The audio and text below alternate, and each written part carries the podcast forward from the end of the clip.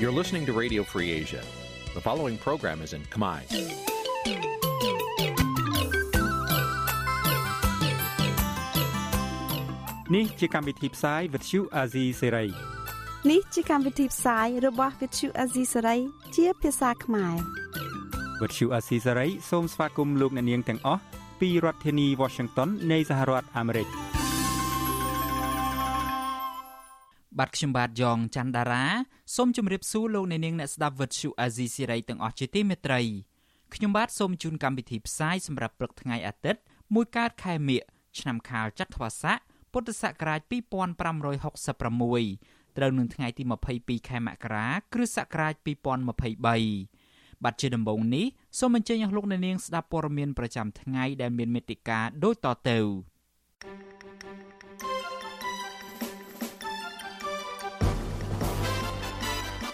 សង្គមស៊ីវិលថាបរិយាកាសនយោបាយឈានដល់កម្រិតមួយគួរឲ្យព្រួយបារម្ភក្រមសហជីពបន្តទៀមទារោគយុតិធធនៅក្នុងខួប19ឆ្នាំនៃគិតកម្មលើលោកជាវិជាមន្ត្រីគណៈបកប្រឆាំងមួយចំនួនបដិញ្ញាតស៊ូជាមួយលោកសំរងស៊ីនៅក្រៅប្រទេសមន្ត្រីដោះមីនអ៊ុយក្រែន បញ្ចប់ការវឹកហាត់ជំនាញដោះមីននៅកម្ពុជា រួមនឹងព័ត៌មានសំខាន់សំខាន់មួយចំនួនទៀត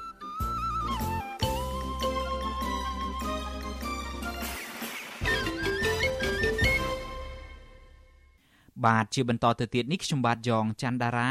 សូមជូនព័ត៌មានទាំងនេះពិស្ដាអង្គការសង្គមស៊ីវិលមើលឃើញថាបរិយាកាសនយោបាយសពថ្ងៃឈានដល់កម្រិតតានតឹងមួយគួរឲ្យព្រួយបារម្ភនៅមុនការបោះឆ្នោតបាទការលើកឡើងនេះ គឺក្រោយពេលលោកនាយរដ្ឋមន្ត្រីហ៊ុនសែនបានព្រមាននិងប្តឹងចាប់ខ្លួនមេដឹកនាំបកក្រៅរដ្ឋាភិបាលដាក់គុកជាបន្តបន្ទាប់បាទលោកសេកបណ្ឌិតរាយការណ៍ព័ត៌មាននេះពលរដ្ឋខ្មែរមានឱកាសជ្រើសរើសមេដឹកនាំថ្មីរបស់ខ្លួនតាមរយៈការបោះឆ្នោតថ្នាក់ជាតិនៅថ្ងៃទី23ខែកក្កដាខាងមុខក៏ប៉ុន្តែអ្នកជំនាញកិច្ចការបោះឆ្នោតមួយចំនួន បានកត់សម្គាល់ឃើញថាការអនុវត្តសិទ្ធិរបស់ប្រជាពលរដ្ឋនិងអ្នកនយោបាយនៅក្នុងប្រទេស ដែលមានចែងនៅក្នុងរដ្ឋធម្មនុញ្ញនោះកំពុងធ្លាក់ចុះពួកគេចង់ឃើញគណៈបកកណ្ដាលអំណាចនិងបកក្រៅរដ្ឋាភិបាលជជែកគ្នាស្វែងរកដំណោះស្រាយលើបញ្ហានយោបាយរួមដើម្បីធានាដល់ការបោះឆ្នោតមួយដែលអាចមានការទទួលស្គាល់ពីគ្រប់ភាគីទាំងអស់នាយកប្រតិបត្តិនៃអង្គការឃ្លាំមើលការបោះឆ្នោតនៅកម្ពុជាហៅកាត់ថា Netflix លោកសំគុណធីមី មានប្រសាសន៍ថា ការបោះឆ្នោតដែលស្មើភាពគ្នានោះលុះត្រាតែគណៈបកនយោបាយមានសិទ្ធិពេញលេញនៅក្នុងការធ្វើសកម្មភាពហើយស្ថាប័នរៀបចំការបោះឆ្នោតគឺកោជបត្រូវតែឯករាជ្យនិងអព្យាក្រឹតទោះយ៉ាងណាលោកមើលឃើញថា មកទល់នឹងពេលនេះសិទ្ធិពលរដ្ឋនិងនយោបាយមិនទាន់អនុវត្តឲ្យបានប្រសើរនៅឡើយទេដើម្បីធានាបរិយាកាសនយោបាយឲ្យវារលូនហើយគណៈបកហ្នឹងអាចធ្វើសកម្មភាពនយោបាយរបស់គាត់បានដោយសេរីស្របតាមច្បាប់អាហ្នឹងសំខាន់ណាស់បាទ អាហ្នឹងបរិយាកាសនយោបាយហើយសិទ្ធិនយោបាយនេះក៏សំខាន់ដែររបស់ដែនគណៈបកក៏ដោយរបស់ជាបរដ្ឋក៏ដោយគុំស៊ីវិលយើងហ្នឹងនឹងអាចថ្ងៃណាមួយយើងដាក់ស្នើទៅរដ្ឋាភិបាលទៅគឺជាបរដើម្បីឲ្យគាត់ជួយរដ្ឋាភិបាលហ្នឹងជួយរៀបចំយ៉ាងម៉េចដូចក្រសួងមហាផ្ទៃក្តីពាក់ព័ន្ធហ្នឹងធ្វើម៉េចធានាបរិយាកាសនយោបាយហ្នឹងឲ្យបានសេរីរបាយការណ៍របស់អង្គការឃ្លាំមើលសិទ្ធិមនុស្សអន្តរជាតិ Human Rights Watch ផ្សាយកាលពីថ្ងៃទី12មករាបានរកឃើញថារដ្ឋាភិបាលហ៊ុនសែន បានប្រើវិធានការតឹងរឹងដើម្បីបំបិទសិទ្ធិសេរីភាពរបស់ប្រជាពលរដ្ឋនៅក្នុងការបញ្ចេញមតិនិងសិទ្ធិនយោបាយដោយបានកំណត់គោលដៅលើមនុស្សរាប់សិបនាក់ដែលជាថ្នាក់ដឹកនាំសហជីពសកម្មជននយោបាយដែលមាននិន្នាការផ្ទុយពីរដ្ឋាភិបាលនិងសកម្មជនសិទ្ធិមនុស្សផ្សេងផ្សេងតាមរយៈការបង្កើតបទចោទប្រកាន់คล้ายៗពីសំណាក់តុលាការបច្ចុប្បន្នគណៈបកប្រជាជនកម្ពុជា បានប្តឹងថ្នាក់ដឹកនាំគណៈបកភ្លើងទៀនទៅកាន់តុលាការដោយជាលោកសុនឆៃលោកគង់គំនិងរឹបអូសទ្រព្យសម្បត្តិរបស់ពួកគាត់ហើយករណីចុងក្រោយនេះតុលាការបានចាប់ខ្លួនលោកថៃសិដ្ឋាជាអនុប្រធានគណៈបកភ្លើងទៀនថែមទៀតថ្មីថ្មីនេះទៀតសោតលោកនាយករដ្ឋមន្ត្រីហ៊ុនសែនគម្រាមប្រើប្រាស់ហិង្សានិងប្តឹងគណៈបកភ្លើងទៀនបន្ថែមទៀតពាក់ព័ន្ធនឹងរឿងនេះដែរមន្ត្រីជាន់ខ្ពស់ផ្នែកអង្គការនិងតស៊ូមតិនៃអង្គការ Confrel លោកកនសវាង ថ្លែងថាបរិយាកាសនយោបាយល្អមុនការបោះឆ្នោតគឺមានសារៈសំខាន់សម្រាប់បេក្ខជនមកពីបកទាំងអស់អាចបំពេញការងាររបស់ពួកគេដោយគ្មានការភ័យខ្លាចទោះយ៉ាងណាក្តីលោកសង្កេតឃើញថាស្ថានភាពនយោបាយបច្ចុប្បន្នកំពុងធ្លាក់ចូលដល់ចំណុចតានតឹងគួរឲ្យព្រួយបារម្ភលោកយល់ថាចំណាត់ការលើអ្នកនយោបាយក្រៅរដ្ឋាភិបាលនាពេលនេះបានធ្វើឲ្យប៉ះពាល់ដល់ការប្រកួតប្រជែងនិងបង្កបរិយាកាសអាប់អួរមុនការបោះឆ្នោតនៅខែកក្កដាខាងមុខ។ រាល់ដំណើរការកន្លងមកសង្គមស៊ីវិលបានដល់ហើយអនុសាសន៍បានលើកហើយបញ្ហាប្រឈមហើយក៏បានធ្វើការស្នើឲ្យភាគីពាក់ព័ន្ធជាពិសេសគឺរដ្ឋាភិបាលតែម្ដងដែលជាអ្នកភាគីសំខាន់នៅក្នុងការរៀបចំគឺថាពិនិត្យមើលការស្ដារឡើងវិញយ៉ាងហោចណាស់ឲ្យបានចំណុច6ចំណុចដែរដែលអង្គការសង្គមស៊ីវិលហ្នឹងណាតកតទៅឬសិទ្ធិមនុស្សការបោះឆ្នោតជាធិបតេយ្យធិបតេយ្យយើងនៅតែស្នើថាឲ្យពិនិត្យមើលថែមទៀតហើយយើង ជាសង្គមស៊ីវិលយើងនៅតែតាមដានឆ្លើយតបនឹងរឿងនេះអ្នកនាំពាក្យគណៈបកកណ្ដាលអំណាចលោកសុកអេសានអះអាងថាចំណាត់ការទៅលើមេដឹកនាំគណៈបកភ្លើងទៀនកន្លងមក គឺជាការអនុវត្តច្បាប់ដោយមិនប៉ះពាល់ដល់ដំណើរការបោះឆ្នោតនោះទេលោកអះអាងថាដំណើរការបោះឆ្នោតជ្រើសតាំងតំណាងរាស្ត្រនៅតែប្រព្រឹត្តទៅតាមការគ្រោងទុកដោយគណៈបកកណ្ដាលអំណាចមិនខ្វល់បកនយោបាយណាចូលរួម ឬមិនចូលរួមប្រគល់ប្រជែងនោះទេ អាហ្នឹងរឿងអ្នកនយោបាយដែលប្រព្រឹត្តល្មើសទេការរំលោភសិទ្ធិមនុស្សចេះតែនាំមនាស្រ័យថារំលោភសិទ្ធិមនុស្សរំលោភសិទ្ធិមនុស្សឬមួយគម្រាមកំហែងបពប្រឆាំងចំពោះអ្នកដតីទៀតដែលជាសកម្មជនឬបរិស្ថានអីអាហ្នឹងជាអ្នកអស់នងទេជាអ្នកបង្កើតបញ្ហាដោយខ្លួនឯងបាទមិនមានអ្នកណាប្រជាជនណាមកបង្កើតទេបាទទោះយ៉ាងណាលោកសំរងស៊ីប្រធានស្ដីទីគណៈបកសង្គ្រោះជាតិ ចាត់ទុកការធ្វើទុកបុកម្នេញនិងធ្វើបាបអ្នកតស៊ូដើម្បីទាមទារសិទ្ធិសេរីភាពនៅក្នុងសង្គមជាបន្តបន្ទាប់មកនេះដោយសារតែលោកហ៊ុនសែនកំពុងភ័យខ្លាចកម្លាំងចលនាអ្នកប្រជាធិបតេយ្យដែលត្រៀមបោះឆ្នោតឲ្យគណៈបកប្រឆាំងដើម្បីទប់ស្កាត់ផែនការផ្ទៃអំណាចតវងត្រកូលរបស់លោកនាយករដ្ឋមន្ត្រីហ៊ុនសែនការបោះឆ្នោតជាតិជ្រើសតាំងតំណាងរាស្ត្រអាណត្តិទី7នឹងប្រព្រឹត្តទៅនៅថ្ងៃអាទិត្យទី23ខែកក្កដាឆ្នាំ2023 គណៈកម្មាធិការជ្រៀបចំការបោះឆ្នោតហៅកាត់ថាកោចបកាលពីថ្ងៃទី13ខែមករាបានបិទផ្សាយបញ្ជីឈ្មោះនិងការចុះឈ្មោះបោះឆ្នោតដំបូងសម្រាប់ឆ្នាំ2022ដែលមានឈ្មោះអ្នកបោះឆ្នោតជាង9លាន7សែននាក់និងមានការិយាល័យបោះឆ្នោតជាង20000កន្លែងហើយកោចបនឹងប្រកាសសុពលភាពលើបញ្ជីឈ្មោះបោះឆ្នោតផ្លូវការនៅថ្ងៃទី21ខែកក្កដាឆ្នាំ2023ខាងមុខនេះខ្ញុំបាទសេកបណ្ឌិត វិទ្យុអាស៊ីសេរីពីរដ្ឋធានីវ៉ាស៊ីនតោន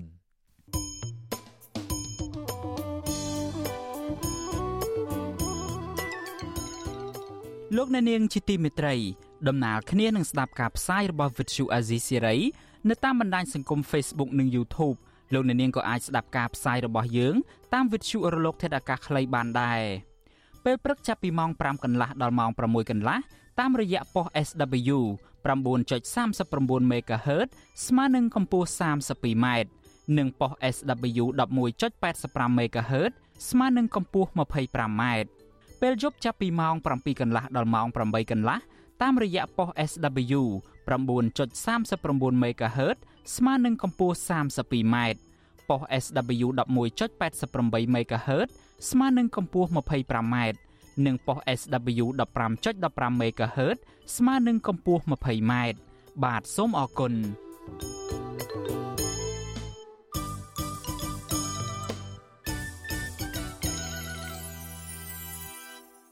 បាឡូននាងជាទីមេត្រីពាក់ព័ន្ធទៅនឹងរឿងឃាតកម្មទៅលើលោកជាវិជាមេដឹកនាំសហជីពដ៏ល្បីល្បាញនោះវិញសហភាពសហជីពកម្ពុជាអំពាវនាវឲ្យប្រជាពលរដ្ឋចូលរួមឲ្យបានច្រើនកកក នៅក្នុងថ្ងៃប្រារព្ធខួប19ឆ្នាំនៃគិតកម្មបាញ់សម្លាប់លោកជាវិជា នៅថ្ងៃអាទិត្យទី22ខែមករានេះប្រធានសហភាពសហជីពកម្ពុជាលោករងឈុនប្រាប់វិទ្យុអាស៊ីសេរីថាប្រជាពលរដ្ឋកម្មករនិងសហជីពគួរតែចូលរួមប្រារព្ធខួប19ឆ្នាំនៃគិតកម្មលើលោកជាវិជាឲ្យបានច្រើន ដើម្បីសម្ដែងការដឹងគុណនិងរំលឹកវីរភាពព្រមទាំងទាមទាររោគយុតិធធជូនមេដឹកនាំសហជីពដ៏ល្បីរូបនេះ។ កម្មវិធីរំលឹកខួប19ឆ្នាំនៃឃាតកម្មទៅលើលោកជាវិជានឹងប្រារព្ធទៅនៅកន្លែងរូបសំណាករបស់លោកនៅខាងលិចវិមានឯករាជ្យជារៀងរាល់ឆ្នាំសាច់ញាតិមិត្តភ័ក្តិក្រុមសហជីពនិងកម្មករតែងជួបជុំគ្នាដាក់កម្រងផ្កាគោរពវិញ្ញាណក្ខន្ធលោកនិងថ្លែងសាររួមគ្នាទាមទាររោគយុតិធធជូនជនរងគ្រោះលោកអ្នកនាងកំពុងស្ដាប់ការផ្សាយរបស់ Vuthu Azizi Serai ពីរដ្ឋធានី Washington នៃសហរដ្ឋអាមេរិក អញ្ញាធមមូលដ្ឋានខេត្តមណ្ឌលគិរីរងការចោទថាដើរប្រមូលស្នាមមេដៃនិងអត្តសញ្ញាណប័ណ្ណពីប្រជាពលរដ្ឋដើម្បីធ្វើឯកសារលក់ដីព្រៃអភិរក្សឲ្យឈ្មួញដែលមានទំហំជាង1000ហិកតាអ្នកភូមិអះអាងថាអាញាធរសន្យាថានឹងចែកលុយឲ្យប្រជាពលរដ្ឋនៅក្នុងម្នាក់ម្នាក់ចំនួន5លានរៀលឬស្មើនឹងជាង1200ដុល្លារអាមេរិកប្រសិនបើលក់ដីព្រៃនោះបានជោគជ័យ បាទលោកអ្នកនាងនឹងបានស្ដាប់សេចក្តីរាយការណ៍នេះពឹស្ដានៅក្នុងការផ្សាយរបស់យើងនាពេលបន្តិចទៀតនេះ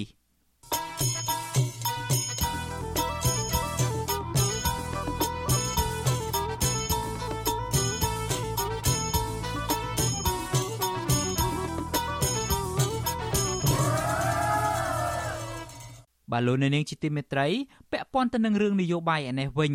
មន្ត្រីជាន់ខ្ពស់គណៈបកសង្គ្រោះជាតិមួយចំនួន បដិញ្ញាចិត្តមិនផ្ដាច់ខ្លួនចេញពីលោកសំរងស៊ីជាថ្នូរទៅនឹងការបានវិលត្រឡប់ចូលកម្ពុជាវិញទៅតាមការចង់បានរបស់លោកហ៊ុនសែននោះឡើយអ្នកវិភាគនយោបាយយល់ថាយុទ្ធសាស្ត្របំបីបំបាក់ផ្ទៃក្នុងបកប្រឆាំងរបស់លោកហ៊ុនសែននេះទំនងជាគ្មានប្រសិទ្ធភាពនោះទេ បាទសូមលោកអ្នកនាងស្ដាប់ព័ត៌មាននេះរបស់លោកថាថៃដូចតទៅមន្ត្រីជាន់ខ្ពស់គណៈបកសង្គ្រោះជាតិដែលបច្ចុប្បន្នបាននិរទេសខ្លួននៅក្រៅប្រទេស ចាត់ទុកសម្ដីលោកហ៊ុនសែនដែលហៅពួកគាត់ចូលស្រុកវិញដោយពុំមានការចាប់ខ្លួននោះថាគ្រាន់តែជាយុទ្ធសាស្ត្របំបីបំបាក់កម្លាំងអ្នកប្រជាធិបតេយ្យនិងជាវោហារស័ព្ទនយោបាយដែលមិនអាចយកជាផ្លូវការបាននោះទេមន្ត្រីជាន់ខ្ពស់គណៈបកសង្គ្រោះជាតិដែលនៅក្បែរលោកសំរងស៊ីគឺលោកម៉ែនសុថាវរិនប្រវត្តិជអាស៊ីសេរីថារូបលោកចង់ឲ្យគណៈបកកណ្ដាលអំណាច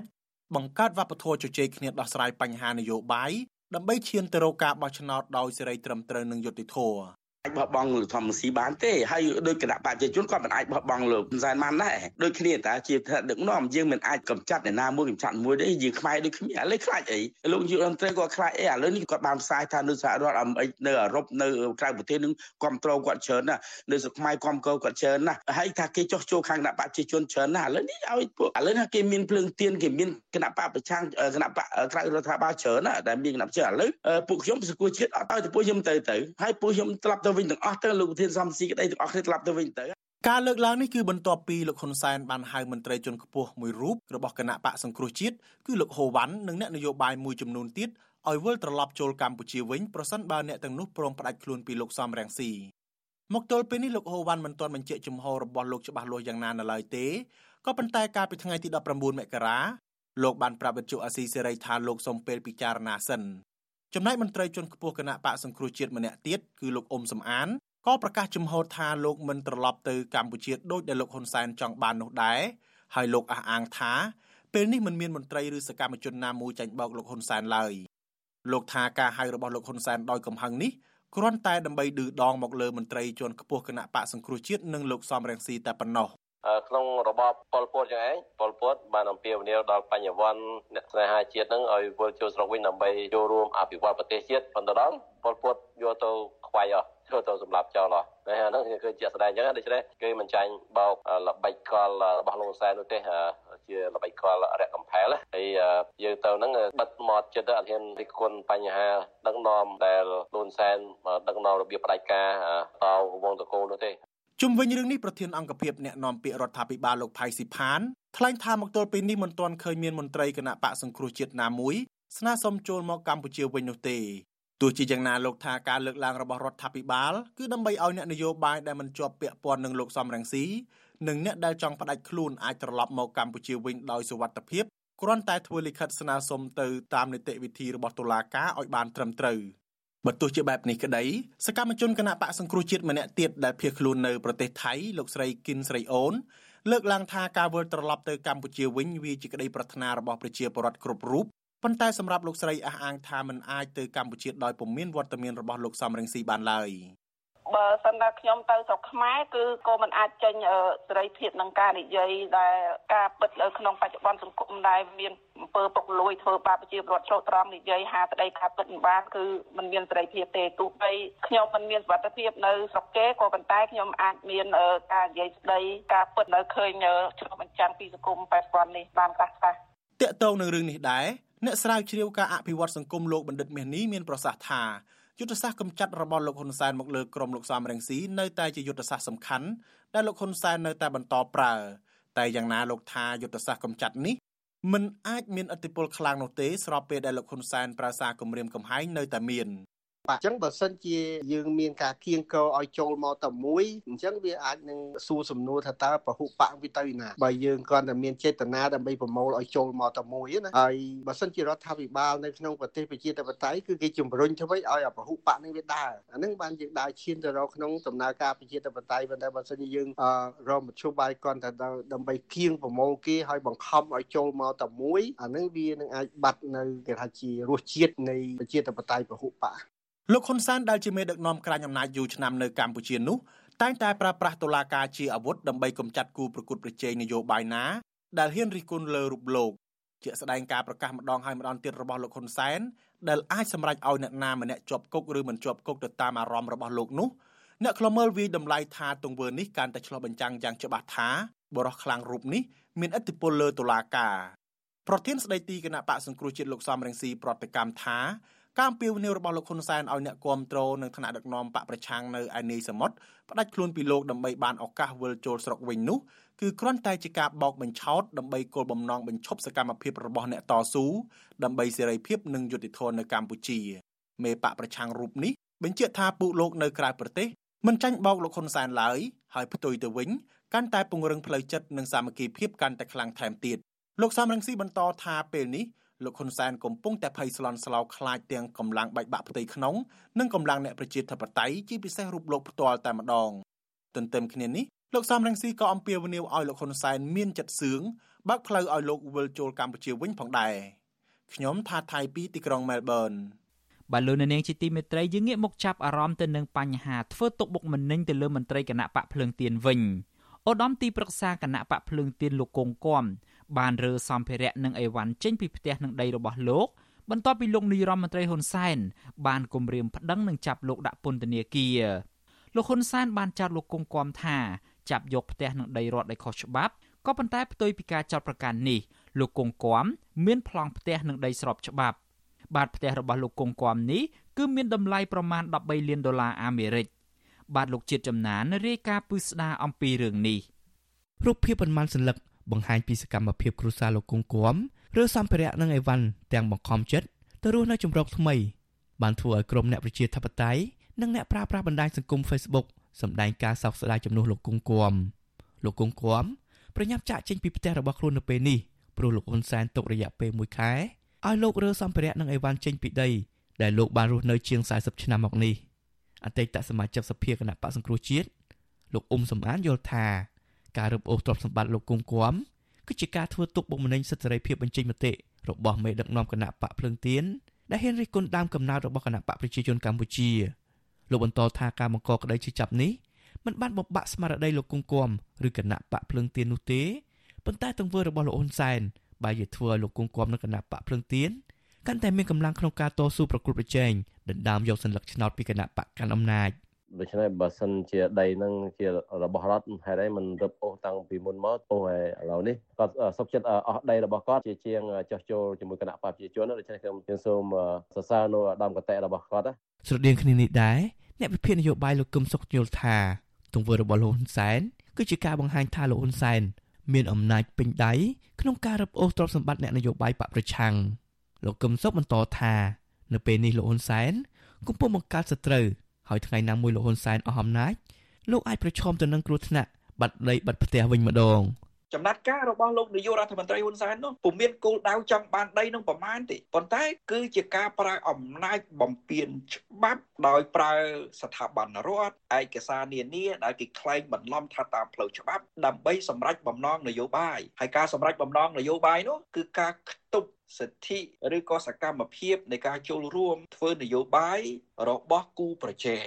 ក្រៅពីមន្ត្រីបកប្រឆាំងនិងអ្នកវិភាគសម្ដែងការសោកស្ដាយដែលលោកគង់គំបាត់បង់ផ្ទះនិងដីអ្នកប្រើប្រាស់បណ្ដាញសង្គមក៏នាំគ្នាបង្ហោះរឿងលោកគង់គំដែរម្ចាស់ Facebook ឈ្មោះដួងចន្ទ្រាប្រដូចទង្វើរបស់រដ្ឋាភិបាលលោកហ៊ុនសែនថាដូចទៅនឹងទង្វើមេដឹកនាំខ្មែរក្រហមដែលបានរឹបអូសដីធ្លីពលរដ្ឋទាំងមកខំពីអំឡុងឆ្នាំ1975ជាមួយរឿងនេះ វិសុអសិស្រ័យមិនអាចសុំការអធិប្បាយណាមួយពីលោកគង់គំនិងកូនប្រុសរបស់លោកគឺលោកគង់ម៉ូនីកាបានទេនៅថ្ងៃទី21ខែមករារីឯភរិយាលោកគង់គំលលោកស្រីសៀអយសូមមិននិយាយតាក់ទងនឹងរឿងដីនឹងផ្ទះនេះទេចំណែកកូនប្រុសរបស់លោកគង់គួរម្នាក់ទៀតគឺលោកគង់សុភាដែលកំពុងរស់នៅប្រទេសកាណាដាបានសរសេរនៅលើ Facebook របស់ខ្លួនតាលាឲ្យដីតាគំលាដោយក្តីឈឺចាប់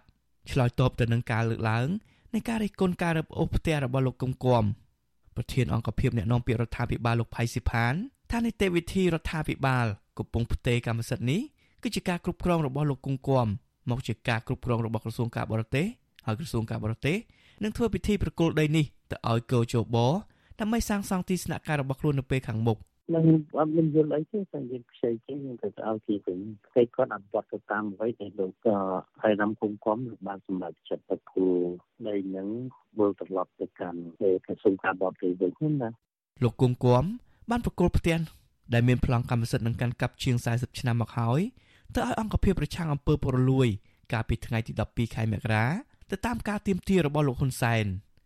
ដីនេះ មានទំហំជាង5000ម៉ែត្រការ៉េស្ថិតនៅតាមបណ្ដោយផ្លូវសុធារសសង្កាត់ទន្លេបាសាក់ខណ្ឌចំការមរាជធានីភ្នំពេញអគ្គនាយកក្រុមហ៊ុន Khmer Real Estate លោកបណ្ឌិតកឹមហៀងឲ្យដឹងថាដីតំបន់នេះមានតម្លៃចាប់ពី2500ដុល្លារទៅ4000ដុល្លារក្នុង1ម៉ែត្រការ៉េដែលអាស្រ័យលើប្រភេទដីបើផ្អែកតាមអ្នកជំនាញអចលនវត្ថុរូបនេះប្រសិនបើដីរបស់លោកគង្គគំលក់ត្រឹមតម្លៃ2500ដុល្លារក្នុង1ម៉ែត្រការ៉េដីនេះមានតម្លៃជាង13លានដុល្លារអ្នកជំនាញផ្នែកអចលនវត្ថុរូបនេះ រំលឹកថាកាលពីអំឡុងឆ្នាំ2015លោកធ្លាប់នាំតកែចិនទៅទិញដីរបស់លោកគង្គគំដែរតែលោកគង្គគំមិនព្រមលក់បើយើងនិយាយមកនៅតំបន់ហ្នឹងអាក្នុងក្នុងវា3000អានៅក្រៅវា4000តាមចេះស្បែង ចាការទិញលក់ដីមិនមែនថាយើងចង់កំណត់នេះវាស្រ័យលើប្រវត្តិដីព្រោះថាជាប់គ្នាជាប់គ្នាជាដីរបស់ប្រជាជនអ្នករស់ស៊ីធម្មតាគាត់គាត់កាន់កាប់តាំងពីអើយមកអាហ្នឹង4000 5000អាចមានគេទិញប៉ុន្តែបើដីពាក់ព័ន្ធទៅនឹងរបស់ក្រសួងអីពាក់កណ្ដាលគេមិនចង់យកមកនៅគ្រាតែការបោះឆ្នោតនៅខែកក្កដាកាន់តែគៀកមកដល់រដ្ឋាភិបាលលោកហ៊ុនសែនបានប្រើប្រព័ន្ធតុលាការទៅលើថ្នាក់ដឹកនាំគណៈបកភ្លឹងទៀនជាបន្តបន្ទាប់ក្បាលម៉ាស៊ីនគណៈបកភ្លឹងទៀន3រូបកំពុងរងបណ្ដឹង និងប្រឈមការបាត់បង់ដីនិងផ្ទះនិងជាប់ពន្ធនាគារខ្ញុំបាទជាចំណាន Visual Assisray ប្រធានាទី Washington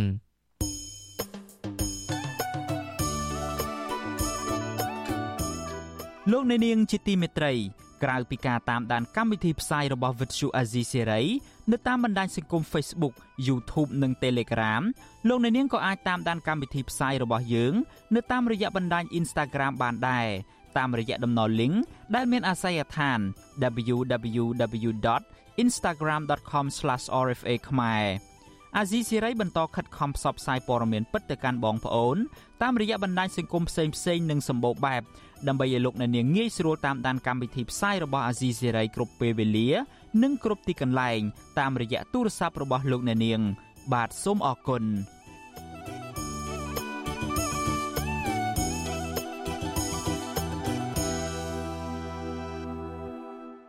បាទលោកនាងជាទីមេត្រីពាក់ព័ន្ធទៅនឹងវិស័យយុតិធធវិញ ស្របពេលដែលគណៈបកកណ្ដាលអំណាចកំពុងប្រើប្រាស់ប្រព័ន្ធតុលាការដាក់គំនាបចោតប្រកាន់ទៅលើគណៈបកប្រឆាំងទៅតាមគ្រប់វិធីនោះកូនប្រុសរបស់លោកហ៊ុនសែនគឺលោកហ៊ុនម៉ាណែតបានស្នើដល់មេធាវីឲ្យចូលរួមចំណែកកសាងសង្គមដោយយុត្តិធម៌សង្គមស៊ីវិលនិងអ្នកច្បាប់ស្នើឲ្យក្រុមមេធាវីលើកស្ទួយប្រព័ន្ធយុត្តិធម៌សង្គមជៀសវាងធ្វើជាឧបករណ៍បម្រើអ្នកនយោបាយ បាទសំលោកនៅនាងស្ដាប់សេចក្តីរាយការណ៍នេះរបស់អ្នកស្រីម៉ៅសុធានីដូចតទៅអ្នកសិក្សាផ្នែកច្បាប់លើកឡើងថាមេធាវីបច្ចុប្បន្នកំពុងអនុវត្តទូនីតិប្រាចាកគោលការណ៍ច្បាប់យុត្តិធម៌និងភាពឯករាជ្យដើម្បីស្វែងរកលៀបសក្ការៈនិងផលប្រយោជន៍ផ្ទាល់ខ្លួន តាមរយៈការបម្រើប្រយោជន៍ឲ្យអ្នកនយោបាយ។ អ្នកសិក្សាផ្នែកច្បាប់លោកវ៉ុនច័ន្ទលូតប្រាប់បច្ចុប្បន្នស៊ីស្រីនៅថ្ងៃទី21ខែមករាថាកិច្ចការរបស់មេធាវីមិនថាជាអ្នកការពារក្តីឲ្យភាគីណាក៏ដោយ គឺត្រូវតែឈលលើការពិតភាពត្រឹមត្រូវ និងធានាដល់យុត្តិធម៌សង្គមដោយមិនត្រូវប្រាចាក ពីវិជ្ជាជីវៈរបស់ខ្លួននោះឡើយលោកបន្ថែមថាដើម្បីធានាឲ្យសង្គមមួយ មានយុត្តិធម៌នឹងការលើកកម្ពស់នេត្រាតបានលុត្រាតែមានការចូលរួម ពីមេធាវីដែលគោរពតាមវិជ្ជាជីវៈនិងប្រព័ន្ធតុលាការដែលឯករាជ្យជាពិសេសគឺអ្នកនយោបាយមិនគួរបង្កើតក្រុមមេធាវី សម្រាប់បម្រើឲ្យផលប្រយោជន៍របស់ខ្លួនឯងឬក៏បពពួកនោះឡើយ។ សិនបើក្នុងនាមជាមេធាវីយើងជាអ្នកច្បាប់ដែលយល់អំពីតាប់តិចទួនាទីរបស់ខ្លួនហើយហើយយើងនៅតែបំពេញទៅនឹងការពិតយើងធ្វើអ្វីសពបែបយ៉ាងដើម្បីតែបំពេញចិត្តមេរបស់ខ្លួននៃឬក៏អ្នកដឹកនាំនយោបាយហ្នឹងអានោះខ្ញុំមើលឃើញថាវាកាន់តែមានកំហុសធ្ងន់ធ្ងរថែមទៅទៀតនៅក្នុងវិជ្ជាជីវៈរបស់ខ្លួនហ្នឹងបាទ ការលើកឡើងនេះធ្វើឡើងនៅបន្ទាប់ពីកូនប្រុសរបស់លោកនាយករដ្ឋមន្ត្រីហ៊ុនសែនគឺលោកហ៊ុនម៉ាណែតបានថ្លែងក្នុងពិធីសម្ដែងសម្ដាលជាមួយក្រុមមេធាវីរបស់រដ្ឋាភិបាលនិងក្រុមមេធាវីស្ម័គ្រចិត្តរបស់លោកហ៊ុនសែននៅថ្ងៃទី20ខែមករា លោកហ៊ុនម៉ាណែតក៏បានស្នើដល់មេធាវីគ្រប់រូបឲ្យចូលរួមកសាងសង្គមប្រកបដោយភាពយុត្តិធម៌ប្រកាន់ខ្ជាប់វិជ្ជាជីវៈក្រមសីលធម៌របស់ខ្លួន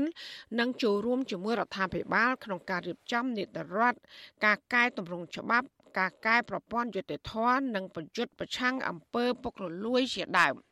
ក្នុងឱកាសនោះដែរប្រធានក្រុមមេធាវីរដ្ឋាភិបាល និងជាក្រុមមេធាវីស្ម័គ្រចិត្តរបស់លោកហ៊ុនសែនគឺលោកគីតិច បានបង្ហាញស្នាដៃរបស់ពួកលោកមួយចំនួន ដែលរវល់ខ្លាំងណាស់ប្រមាណឆ្នាំដើម្បីដោះស្រាយសំណុំរឿងធំធំមួយចំនួន ដែលភាគច្រើនគឺជាសំណុំរឿងពាក់ព័ន្ធនឹងសន្តិសុខជាតិ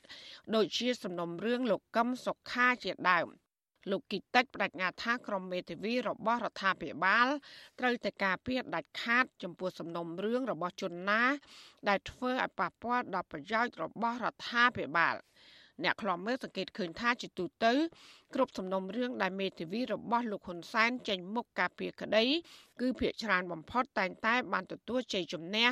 ជាពិសេសសំណុំរឿងនយោបាយតែម្ដង។ បើទោះបីជាពួកគាត់គ្មានភ័ស្តុតាងគ្រប់គ្រាន់ក្នុងការចោទប្រកាន់ក៏ដោយនៅរយៈពេលចុងក្រោយនេះក្រុមមេធាវីស្ម័គ្រចិត្តរបស់លោកនាយករដ្ឋមន្ត្រីហ៊ុនសែនហាក់មានភាពក្លាហាន ក្នុងការចេញគ្រប់គ្រងរដ្ឋាភិបាលរបស់លោកហ៊ុនសែននិងថ្កោលទោសគណៈបកប្រឆាំងជាពិសេសក្រុមមេធាវីតែងតែពុះពៀរកភ័ស្តុតាងដើម្បីចោទប្រកាន់និងដាក់បន្ទុកលើថ្នាក់ដឹកនាំគណៈបកប្រឆាំងផងដែរ ជាក់ស្ដែងថ្មីថ្មីនេះលោកហ៊ុនសែនបានប្រើប្រាស់ក្រុមមេធាវីរបស់លោក ក្នុងការស្វែងរកបទចោទដើម្បីប្តឹងថ្នាក់ដឹកនាំគណៈបកភ្លើងទៀនរួមមានលោកសុនឆៃលោកថាច់សេដ្ឋានិងការរឹបអូសទ្រព្យសម្បត្តិរបស់លោកគង់គំជាដើម។ ជុំវិញរឿងនេះប្រធានក្រុមអ្នកច្បាប់អមរិនលោកមេធាវីសុកសំអឿនមានប្រសាសន៍ថាដើម្បីលើកស្ទួយប្រព័ន្ធយុតិធធសង្គមក្រុមមេធាវីគួរតែគិតពីគោលការណ៍ច្បាប់និងយុតិធធស្របតាមវិជាជីវៈរបស់មេធាវីដោយមិនត្រូវផ្ដោតតែពីផលប្រយោជន៍របស់កូនក្តីនោះឡើយ។ លោកបន្តថានៅក្នុងបរិបទនយោបាយកំពុងតានតឹងនេះមេធាវីគួរតែឈលលើគោលការណ៍អព្យាក្រឹតនិងជៀសវាងយកអាជីពរបស់ខ្លួនទៅបម្រើនយោបាយដើម្បីផលប្រយោជន៍ផ្ទាល់ខ្លួន ដែលធ្វើឲ្យប្រព័ន្ធយុត្តិធម៌ក្នុងសង្គមដើរថយក្រោយនិងរឹតតែធ្លាក់ចុះច្បាប់យើងនៅប្រហោងឡើយត្រូវពិនិត្យមើលច្បាប់ឡើងសារជាថ្មីហើយពង្រឹងការអប់រំនៅសាលាការហើយប្រហែលជាទៅពង្រឹងពីប្រព័ន្ធសាលាការឡើយ អ្នកច្បាប់និងអ្នកឃ្លាំមើលនយោបាយមើលឃើញថា រយៈពេលចុងក្រោយនេះមេធាវីមួយចំនួន កំពុងទទួលបានតំណែងនិងតួនាទី តាមរយៈការផ្សារភ្ជាប់ខ្លួនទៅនឹងអ្នកនយោបាយគណៈបកកាន់អំណាច ពួកគាត់យល់ឃើញថានៅពេលដែលក្រុមមេធាវីក្បត់វិជាជីវៈនិងនាំគ្នាហែហមធ្វើជាខែលការពារឲ្យអ្នកនយោបាយដូចនេះនោះវានឹងនាំឲ្យប្រព័ន្ធយុត្តិធម៌សង្គមបាត់លំនឹងដែលជះឥទ្ធិពលអាក្រក់លើការបោះឆ្នោតថ្នាក់ជាតិនៅខែកក្កដាខាងមុខចាននាងខ្ញុំម៉ៃសុធានីវិទ្យុអាស៊ីសេរីប្រធានាធិបតី Washington បលូននាងជាទីមេត្រីពាក់ព័ន្ធនឹងករណីឆេះកាស៊ីណូនៅក្រុងប៉ោយប៉ែតខេត្តបន្ទាយមានជ័យវិញ អតិថិរបស់បរិសុជនជាតិនេប៉ាល់លោកនីរ៉ាកាផេនដេអាយុ60ឆ្នាំដែលបានស្លាប់ដោយសារតែការលោតពីលើអគារជាន់ទី12នៅក្នុងហេតុការណ៍ឆេះកាស៊ីណូ Grand Diamond City នៅក្រុងប៉ោយប៉ែតនោះបានដឹកត្រឡប់ទៅដល់ប្រទេសកំណើតរបស់លោកវិញហើយកាលពីយប់ថ្ងៃសុក្រទី20ខែមករាការយឺតយ៉ាវនាំសាកសពត្រឡប់ទៅវិញនេះដោយសារតែរដ្ឋាភិបាលកម្ពុជា រងចាំឯកសារចាំបាច់មួយចំនួន បញ្ជាក់ពីប្រទេសនេប៉ាល់ដើម្បីផ្ទៀងផ្ទាត់ជាមួយនឹងសាកសពហេតុការណ៍ឆេះ Casino Grand Diamond City កាលពីចុងឆ្នាំ2022នៅក្រុងប៉ោយប៉ែតនោះបណ្ដាលឲ្យមនុស្ស28នាក់ស្លាប់និងរងរបួសជាង100នាក់នៅក្នុងចំណោមអ្នកស្លាប់ទាំង28នាក់នោះមានជនជាតិថៃ19នាក់ម៉ាឡេស៊ីម្នាក់នេប៉ាល់ម្នាក់ចិនម្នាក់ហើយ6នាក់ទៀតអាជ្ញាធរមិនទាន់បញ្ជាក់ពីអត្តសញ្ញាណនៅឡើយទេ ដោយកំពុងបន្តនីតិវិធីស្រាវជ្រាវក៏ប៉ុន្តែក្រុមគ្រួសារខ្មែរដែលមានសមាជិកបាត់ខ្លួន សង្ស័យថាសាកសពទាំងនោះគឺជាសមាជិកក្រុមគ្រួសាររបស់ពួកគាត់លោកអ្នកនាងកញ្ញាជាទីមេត្រីវិទ្យុអាស៊ីសេរីសូមជូនដំណឹងថាយើងគ្មានអ្នកយកព័ត៌មានប្រចាំនៅប្រទេសកម្ពុជាទេប្រសិនបើមានជនណាម្នាក់អះអាងថាជាអ្នកយកព័ត៌មានឲ្យវិទ្យុអាស៊ីសេរីនៅកម្ពុជា នោះគឺជាការក្លែងបន្លំយកឈ្មោះអាស៊ីសេរីទៅប្រើនៅក្នុងគោលបំណងទុច្ចរិតណាមួយរបស់បុគ្គលនោះតែប៉ុណ្ណោះបាទសូមអរគុណ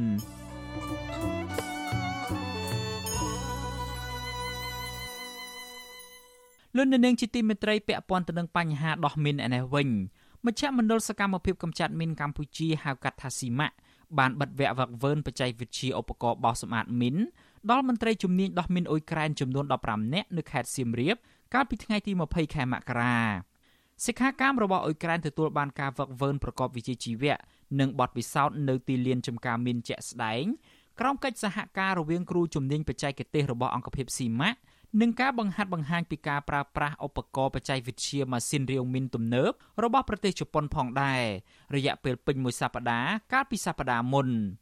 សិក្ខាកាមរបស់អ៊ុយក្រែនក៏ទទួលបានការហ្វឹកហាត់ការបោះសម្អាតមីនដោយប្រើគ្រឿងចាក់ និងដោយការប្រើសំណក់ឬឆ្កែហិតក្លិនមីនជាដើមទោះបីជាវគ្គបណ្ដុះបណ្ដាលមួយសប្តាហ៍នេះបានបញ្ចប់ទៅក៏ដោយក៏ក្រុមអ្នកជំនាញដោះមីនកម្ពុជា បន្តជួបពិភាក្សាតាមប្រព័ន្ធវីដេអូនិងបញ្ជូនក្រុមអ្នកជំនាញដោះមីនប្រមាណពី3ទៅ5នាក់ដើម្បីធ្វើដំណើរទៅប្រទេសប៉ូឡូញនៅខែមេសាខាងមុខសម្រាប់ការវឹកវើបន្ថែមទៀតដល់ក្រុមជំនាញដោះមីនអ៊ុយក្រែនទាំងនោះយ៉ាងហោចណាស់ក៏មានក្រុមអ្នកជំនាញដោះមីនអ៊ុយក្រែនចំនួន64នាក់បានរងរបួស និងស្លាប់ចំនួន13នាក់ផ្សេងទៀតនៅក្នុងបេសកកម្មដោះមីននៅក្នុងប្រទេសអ៊ុយក្រែនក្រោយពីប្រទេសរុស្ស៊ី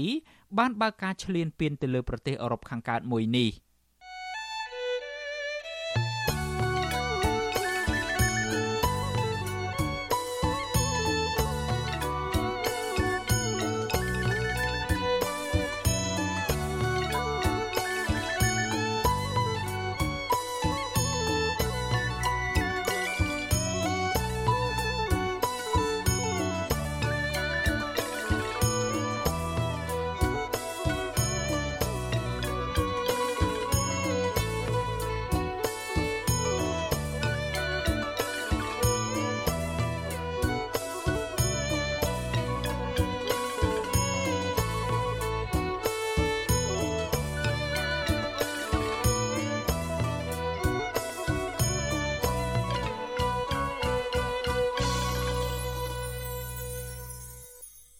លោកអ្នកនាងកំពុងស្ដាប់ការផ្សាយរបស់ Vuthu Azizi Serai ពីរដ្ឋធានី Washington នៃសហរដ្ឋអាមេរិក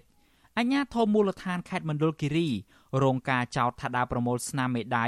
និងអត្តសញ្ញាណប័ណ្ណពីប្រជាពលរដ្ឋដើម្បីធ្វើឯកសារលក់ដីព្រៃអភិរក្សឲ្យឈ្មួញដែលមានទំហំជាង1000ហិកតាអ្នកភូមិអះអាងថាអាញាធរសន្យាថានឹងចែកលុយឲ្យប្រជាពលរដ្ឋនៅក្នុងម្នាក់ម្នាក់ចំនួន5លានរៀលឬស្មើនឹងជាង1200ដុល្លារអាមេរិក ប្រសិនបើលក់ដីព្រៃនោះបានជោគជ័យបាទសូមលោកអ្នកនាងស្ដាប់សេចក្តីរាយការណ៍នេះពឹស្ដារបស់លោកសេកបណ្ឌិតដូចតទៅពលរដ្ឋភៀកច្រើនជាជនជាតិដើមភៀតតិចភ្នងជាង200គ្រួសាររស់នៅក្នុងភូមិនងបួរនិងភូមិជីម៉ាតឃុំនងខេលិច ស្រុកកោះញែកកំពុងស្វែងរកកិច្ចអន្តរាគមន៍ទៅសមាគមការពារសិទ្ធិមនុស្សអាត6និងអាជ្ញាធរឃុំដើម្បីទាមទារឲ្យអាជ្ញាធរមូលដ្ឋាន ស្រាយបំភ្លឺករណីខុបខិតគ្នា ធ្វើឯកសារលក់ដីព្រៃអភិរក្សអ្នកភូមិថាកាលពីខែសីហាឆ្នាំ2021អនុភូមិជីម៉ាត លោកបានតែស្មៀនឃុំ លោកឡាំស៊ីធឿននិងនាយរងប៉ុស្តិ៍នគរបាលម្នាក់ទៀតឈ្មោះឡាំសុទិន បានប្រមូលអត្តសញ្ញាណប័ណ្ណពីប្រជាពលរដ្ឋចំនួន250នាក់ដើម្បីធ្វើឯកសារលក់ដីព្រៃអភិរក្សជាង1000ហិកតាស្ថិតនៅក្នុងដែនជម្រកសត្វព្រៃស្រែពកអាជ្ញាធរទាំងនោះ បានលួងលោមឲ្យប្រជាពលរដ្ឋខ្លះព្រឹត្តមេដៃជាធ្នូទទួលបានប្រាក់ក្នុងម្នាក់ម្នាក់5លានរៀលក៏ប៉ុន្តែមកទល់នៅពេលនេះមានពលរដ្ឋតិចតួចប៉ុណ្ណោះបានឯកភាពព្រឹត្តមេដៃនិងទទួលបានលុយពីអាជ្ញាធរភូមិជនជាតិដើមភៀតតិចភ្នងរស់នៅភូមិជីម៉ាត លោកអតូឡែទៀមទាអាជ្ញាធរស្រ័យបំភ្លឺឲ្យបានច្បាស់លាស់អំពីរឿងនេះស្របពេលដែលដីព្រៃអភិរក្សជាង1000ហិកតាត្រូវគេកាប់ឈើផ្ដួលរំលំឲ្យคล้ายទៅជាវាល នៅ6ទីតាំងផ្សេងគ្នា ដើម្បីលក់ឲ្យឈ្មួញហើយពេលនេះគំនរឈើជាច្រើនកន្លែងត្រូវគេដុតកំទេចចោលលោកថាអាញាធរភូមិបានសន្យាថានឹងចែកលុយឲ្យពលរដ្ឋម្នាក់ម្នាក់5លានរៀល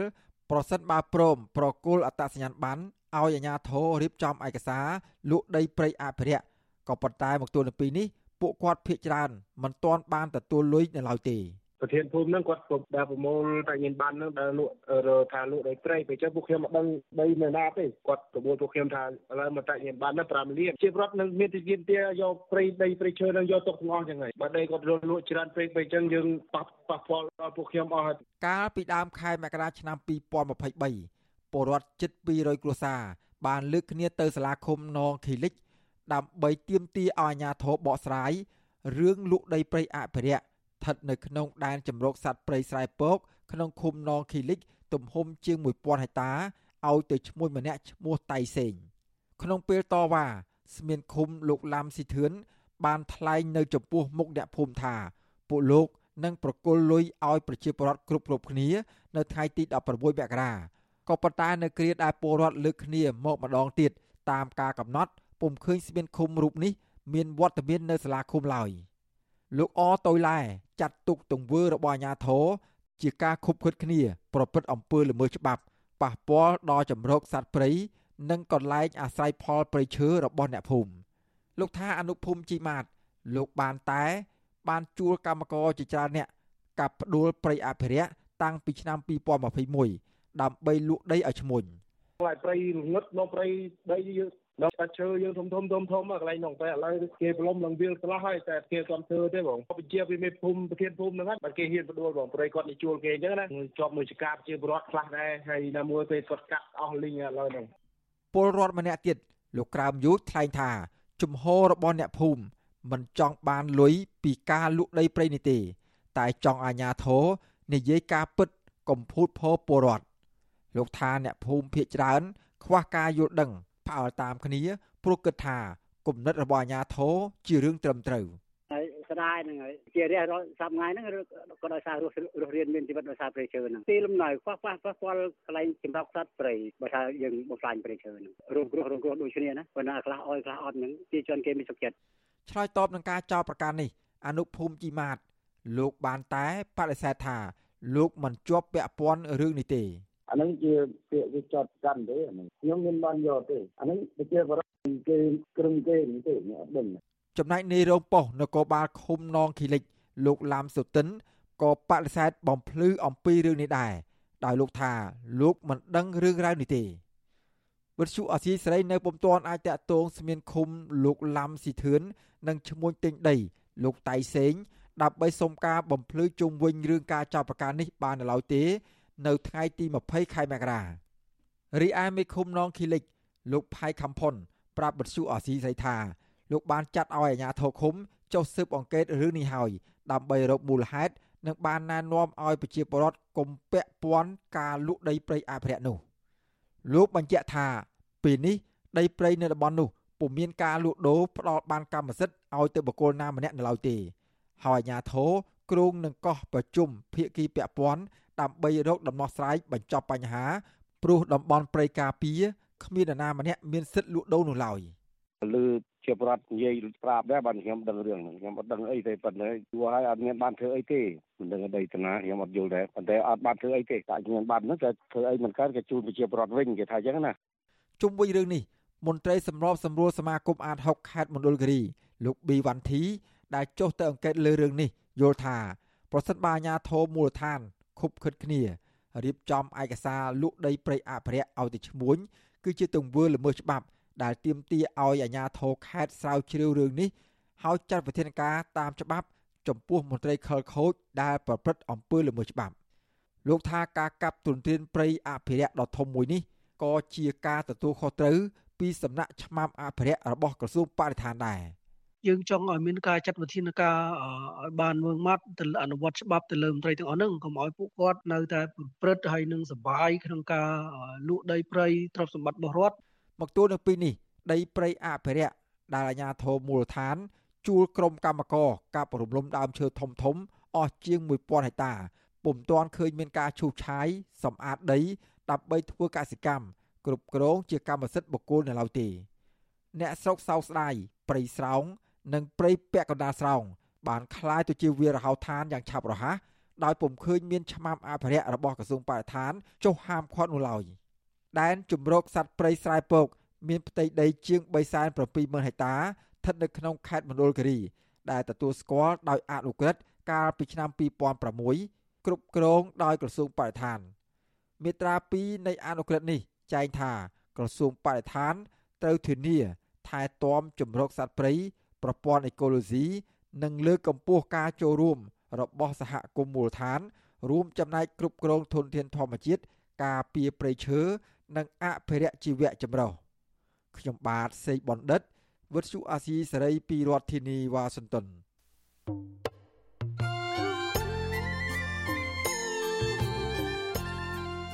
លោកអ្នកនាងជាទីមេត្រី នៅក្នុងឱកាសនេះដែរខ្ញុំបាទសូមថ្លែងអំណរគុណដល់លោកអ្នកនាងកញ្ញាទាំងអស់ ដែលតែងតែមានភក្ដីភាពចំពោះការផ្សាយរបស់យើងហើយចាត់ទុកការស្ដាប់វិទ្យុអាស៊ីសេរីគឺជាផ្នែកមួយនៃសកម្មភាពប្រចាំថ្ងៃរបស់លោកអ្នកនាងគឺការគ្រប់គ្រងរបស់លោកអ្នកនាងនេះហើយដែលធ្វើឲ្យយើងខ្ញុំមានទឹកចិត្តកាន់តែខ្លាំងក្លាថែមទៀតនៅក្នុងការស្វែងរកនិងផ្តល់ព័ត៌មានជូនលោកអ្នកនាងមានអ្នកស្ដាប់អ្នកទស្សនាកាន់តែច្រើនកាន់តែធ្វើឲ្យយើងខ្ញុំមានភាពស្វាហាប់មោះមុតជាបន្តទៅទៀតយើងខ្ញុំសូមអរគុណទុកជាមុនហើយសូមអញ្ជើញលោកអ្នកនាងកញ្ញាទាំងអស់ ចូលរួមជំរុញឲ្យសកម្មភាពផ្តល់ព័ត៌មានយើងនេះកាន់តែជោគជ័យបន្ថែមទៀតលោកអ្នកនាងអាចជួយយើងខ្ញុំបានដោយគ្រាន់តែចុចចែករំលែកឬមួយក៏ Share ការផ្សាយរបស់យើងនៅលើបណ្ដាញសង្គម Facebook និង YouTube ទៅកាន់មិត្តភ័ក្តិដើម្បីឲ្យការផ្សាយរបស់យើងបានទៅដល់មនុស្សកាន់តែច្រើន បាទសូមអរគុណ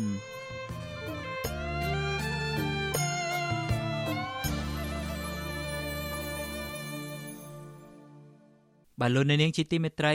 ពាក់ព័ន្ធទៅនឹងបញ្ហាជីវភាពរបស់ប្រជាពលរដ្ឋវិញប្រជាពលរដ្ឋមួយចំនួនរស់នៅក្នុងស្រុកសំឡូតខេត្តបាត់ដំបងត្អូញត្អែពីតម្លៃរមៀតធ្លាក់ចុះលក់មិនបានប្រាក់ចំណេញសម្រាប់ដោះស្រាយជីវភាពគ្រួសារ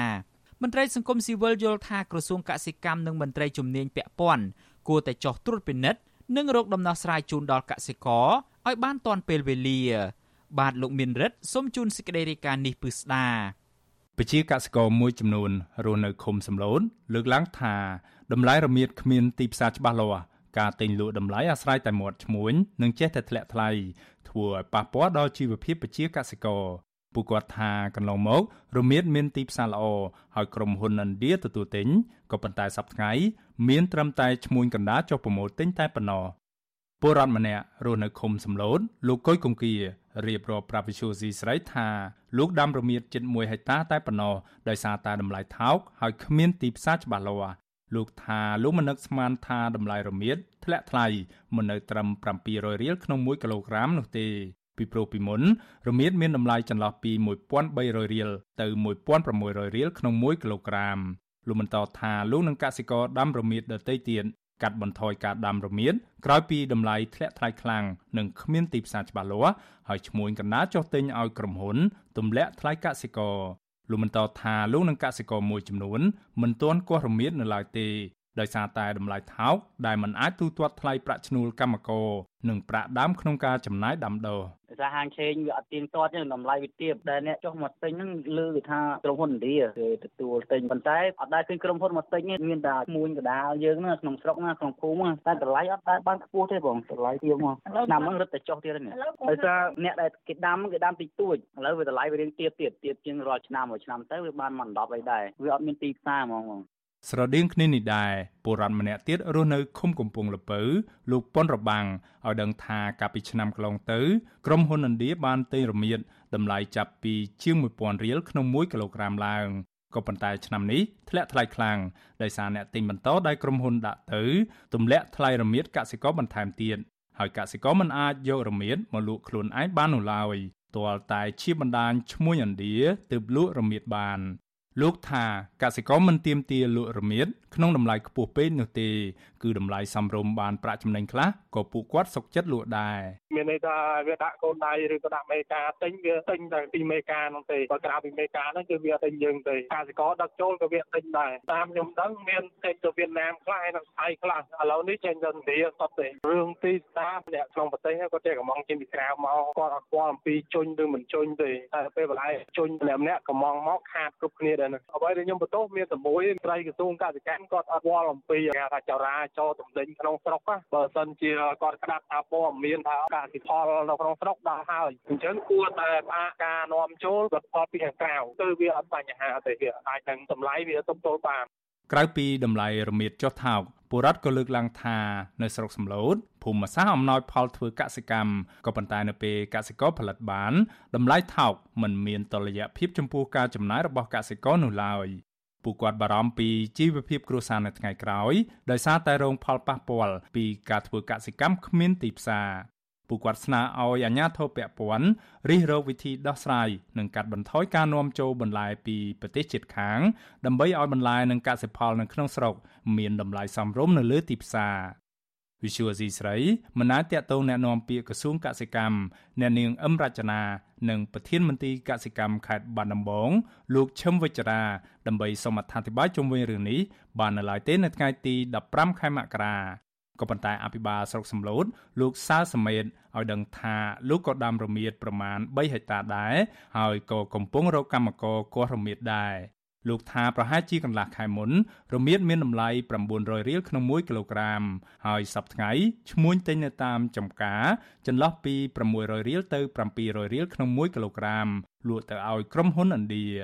លោកសាសមេតអះអាងថាមន្ទីរកសិកម្មនិងមន្ទីរពាណិជ្ជកម្មមិនដែលធ្លាប់នាំក្រុមហ៊ុនវិនិយោគទិញរមៀតផ្សេងក្រៅពីក្រុមហ៊ុនឥណ្ឌានោះឡើយព្រោះបើខ្ញុំអ្នកដាំនមៀតដែរហ្នឹងខ្ញុំកំពុងតែហ្នឹងវាទិញទៅដាំបាន5 3តា3តាជាងកំពុងតែហ្នឹងហើយហើយណែថ្ងៃបានប៉ុណ្ណឹងឯងឃើញកាក់តគេទិញតែប្រហែលខែមុនវា400តែប៉ុន្តែវានៅតែទិញណាថ្ងៃនេះនៅតែទិញទៀតណាវាចេះតែជួនកាលយើងខូចដែរណាដាក់ដីខ្សាច់ដីអីហ្នឹងជាក់ស្ដែងហ្នឹងខ្ញុំហ្នឹងអ្នកដាំនមៀតដែរណា រមៀតគឺជារុក្ខជាតិផ្ដល់អត្ថប្រយោជន៍ច្រើនយ៉ាងចំពោះសុខភាពដោយគេអាចយកទៅធ្វើគ្រឿងផ្សំនៅក្នុងម្ហូបធ្វើជាថ្នាំថែរក្សាស្បែកនិងជាឱសថបុរាណជាដើម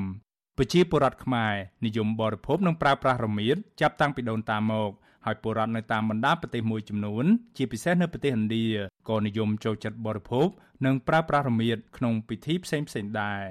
ជុំវិញរឿងនេះក្រុមប្រឹក្សាភិបាលរបស់អង្គការសាមគ្គីភាពកសិករលោកឌីគុនធា មានប្រសាសន៍ថាអាជ្ញាធរនិងស្ថាប័នពាក់ព័ន្ធគួរបង្កើតគណៈកម្មការចុះស្រាវជ្រាវនិងអង្កេតនៅពេលដែលកសិករលើកឡើងពីបញ្ហាប្រឈមលោកថាមន្ត្រីជំនាញត្រូវមានទិន្នន័យច្បាស់លាស់ទាក់ទងប្រភេទដំណាំដែលជួបបញ្ហានិងត្រូវរកដំណោះស្រាយឲ្យបានទាន់ពេលវេលាកុំឲ្យកសិករខាតបង់ដើម្បីឲ្យពួកគេទទួលបានប្រាក់ចំណេញខ្លះ លោកបន្តថារដ្ឋាភិបាលនិងក្រសួងកសិកម្មត្រូវស្វែងរកដៃគូទីផ្សារក្នុងស្រុកនិងក្រៅស្រុកដើម្បីគ្រប់គ្រងដល់កសិករ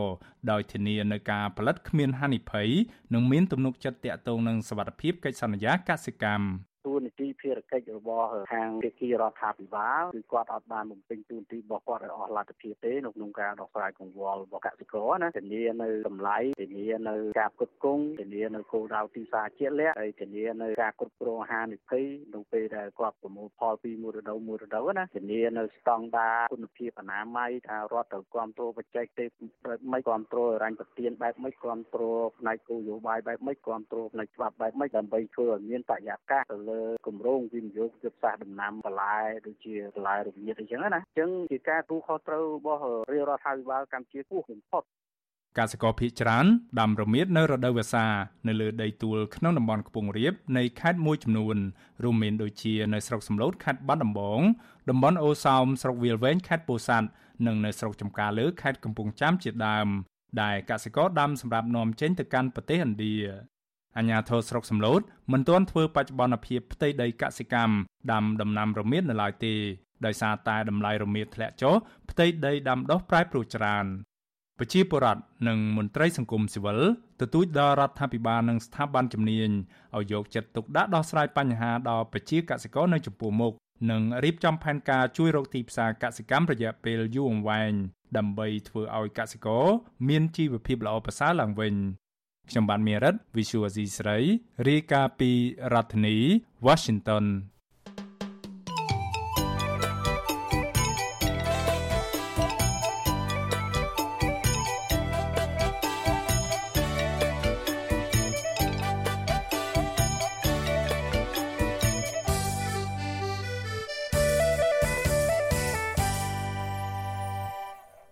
លោកនាងជាទីមេត្រីពាក់ព័ន្ធទៅនឹងរឿងតម្លៃជ្រូកឯនេះវិញកសិករចិញ្ចឹមជ្រូកនៅខេត្តមួយចំនួនត្អូញត្អែពីតម្លៃជ្រូកចុះថោកក្នុងរដូវបុណ្យចូលឆ្នាំចិននិងវៀតណាមខណៈឈ្មួញលួចនាំចូលជ្រូកបង្កកនិងសាច់ជ្រូកបង្កកជាច្រើនពីប្រទេសជិតខាងកសិករនិងមន្ត្រីអង្គការសង្គមស៊ីវិលស្នើយ៉ាងទទូចដល់រដ្ឋាភិបាលនិងក្រសួងពាក់ព័ន្ធឲ្យជួយដោះស្រាយបញ្ហាតម្លៃជ្រូកចុះថោកនិងទប់ស្កាត់ការនាំចូលសាច់ជ្រូកកកឲ្យមានប្រសិទ្ធភាព បាទលោកលេងម៉ាលីសូមជូនសេចក្តីរាយការណ៍នេះពិស្ដាកសិករចិញ្ចឹមជ្រូកនៅខេត្តមួយចំនួន សង្ឃឹមថាក្នុងរដូវចូលឆ្នាំចិននិងវៀតណាមតម្លៃសាច់ជ្រូកនឹងប្រសើរឡើង ហើយពួកគាត់ត្រៀមជ្រូកសម្រាប់លក់ក៏ប៉ុន្តែតម្លៃជ្រូករស់នៅតែធ្លាក់ចុះដដែលពួកគាត់ថាដោយសារមន្ត្រីនិងឈ្មួញខົບគិតគ្នាបើកដៃឲ្យនាំចូលសាច់ជ្រូកកកពីប្រទេសជិតខាង ចូលមកក្នុងតម្លៃថោកកសិករចិញ្ចឹមជ្រូកនៅខេត្តកំពង់ឆ្នាំង លោកសួងវាសនាប្រាប់ពទ្យុអស៊ីសេរីនៅថ្ងៃទី20មករាថាតម្លៃជ្រូកគៀកបុនចូលឆ្នាំចិនចុះថោកធ្វើឲ្យលោកខាត់បងប្រាក់ច្រើនព្រោះលោកចិញ្ចឹមជ្រូកជិត300ក្បាលលោកថាសប្តាហ៍ថ្ងៃតម្លៃជ្រូករស់ឈ្មួញទិញតម្លៃជាង7000រៀលក្នុង1គីឡូក្រាមសម្រាប់កសិដ្ឋានធំធំប៉ុន្តែបើជ្រូកកសិករលក្ខណៈគ្រួសារតម្លៃទាបជាងនេះលោកបន្តថាកសិករសម្រុកលក់ជ្រូកគៀកបនចូលឆ្នាំចិនហើយឈ្មួញមានជំរើសច្រើន គួបផ្សំនឹងសាច់ជ្រូកកកនាំចូលផង ធ្វើឲ្យតម្លៃជ្រូកកាន់តែថោកលោកសួងវាសនាបញ្ជាក់ថាប្រសិនបើតម្លៃជ្រូកនៅតែបន្តធ្លាក់ថ្លៃដល់ខែមីនាលោកនឹងបោះបង់ការចិញ្ចឹមជ្រូកព្រោះមិនអាចទប់ទល់ការខាតបង់ដោយសារចំណីជ្រូកថ្លៃ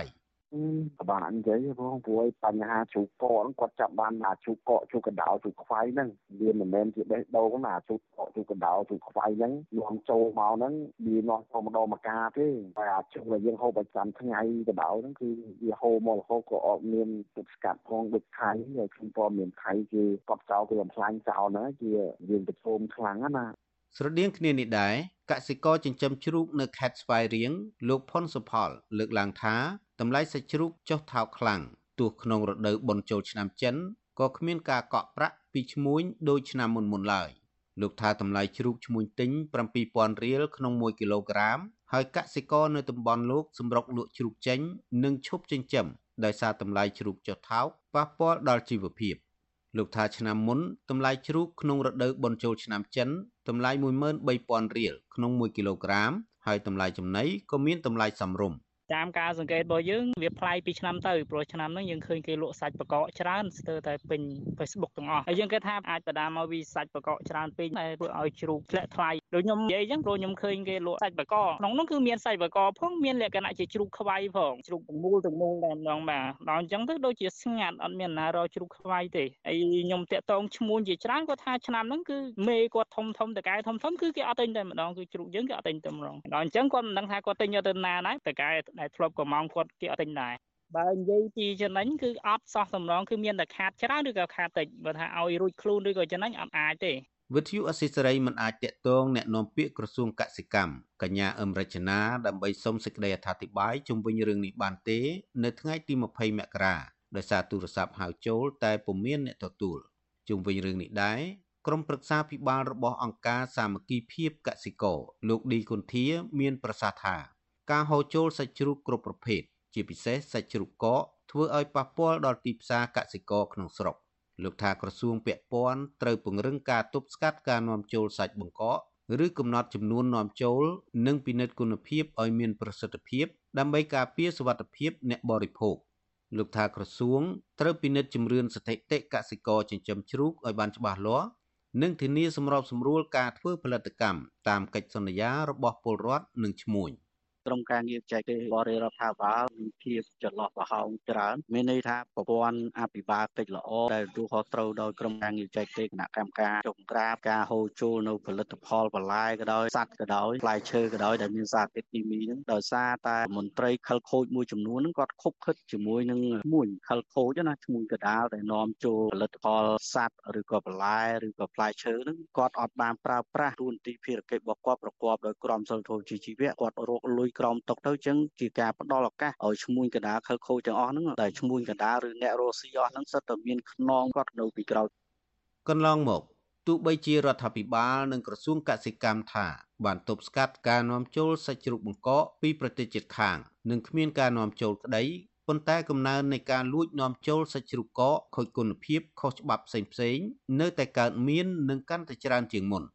ពលរដ្ឋយល់ថាការប្រព្រឹត្តអំពើពុករលួយរបស់មន្ត្រីពាក់ព័ន្ធមួយចំនួននៅតាមព្រំដែនដែលធ្វើឲ្យបរិមាណសាច់កកខុសច្បាប់ហូរចូលមកកម្ពុជាកាន់តែច្រើនជាក់ស្ដែងកាលពីថ្ងៃទី13មករាអគ្គនាយកដ្ឋានសុខភាពសត្វនិងផលិតកម្មសត្វបានផ្សព្វផ្សាយពីការបង្ក្រាបបទល្មើសរថយន្តដឹកសាច់ជ្រូកបង្កក5កេសធំស្មើនឹង45ក្បាលនៅខេត្តកណ្ដាលដែលឈ្មួញលួចនាំចូលបំរុងយកទៅចែកចាយនៅរាជធានីភ្នំពេញ និងនៅថ្ងៃទី18មករាក៏មានការខាត់រថយន្តដឹកប្រហិតនាំចូលខុសច្បាប់ជិត7តោនដែរដោយដឹកជញ្ជូនពីប្រទេសថៃតាមច្រកដូងស្រុកកំរៀងប្រុងយកទៅចែកចាយនៅខេត្តបាត់ដំបងប្រជាពលរដ្ឋចិញ្ចឹមជ្រូកនិងសង្គមស៊ីវិលស្នើសុំដល់ក្រសួងពាក់ព័ន្ធឲ្យពង្រឹងការទប់ស្កាត់នាំចូលសាច់ជ្រូកកកដើម្បីឲ្យតម្លៃជ្រូកកសិករមានទីផ្សារលក់បានប្រាក់សមរម្យសម្រាប់ដោះស្រាយជីវភាព និងមានទឹកចិត្តបន្តចិញ្ចឹមជ្រូកនេះទៀត ខ្ញុំបាទលេងម៉ាលីវិទ្យុអស៊ីសេរីពីរដ្ឋធានី Washington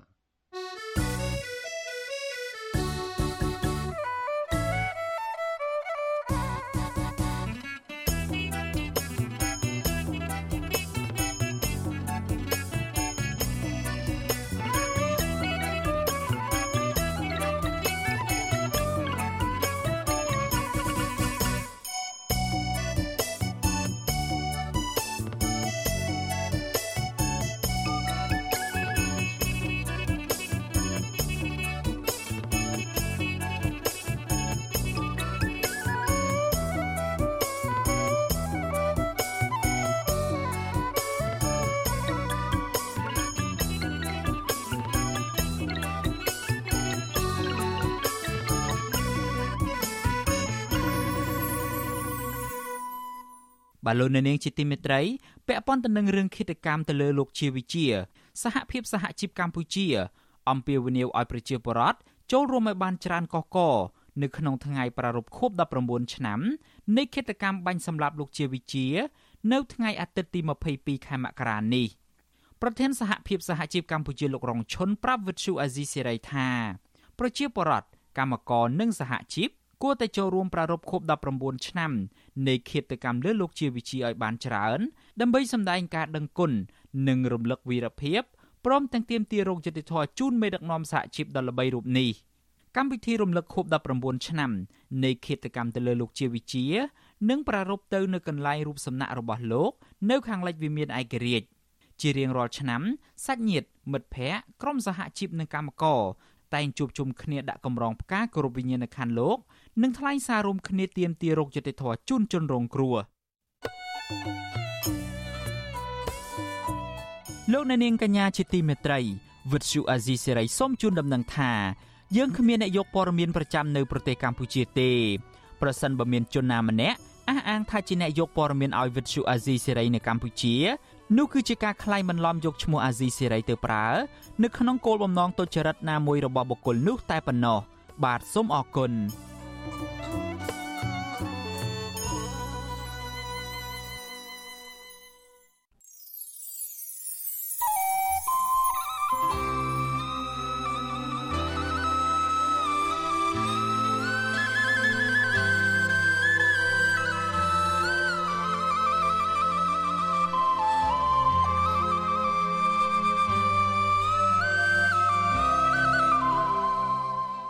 លោកអ្នកនាងជាទីមេត្រី ការផ្សាយរយៈពេល1ម៉ោងរបស់វិទ្យុអាស៊ីសេរីនៅព្រឹកនេះចប់ត្រឹមតែប៉ុណ្ណេះយើងខ្ញុំសូមជូនពរដល់លោកអ្នកនាងព្រមទាំងក្រុមគ្រួសារទាំងអស់ឲ្យជួបប្រកបតែនឹងសេចក្តីសុខចម្រើនរុងរឿងកុំបីឃ្លៀងឃ្លាតឡើយខ្ញុំបាទយ៉ងច័ន្ទដារាព្រមទាំងក្រុមការងារទាំងអស់នៃវិទ្យុអាស៊ីសេរីសូមអរគុណនិងសូមជម្រាបលា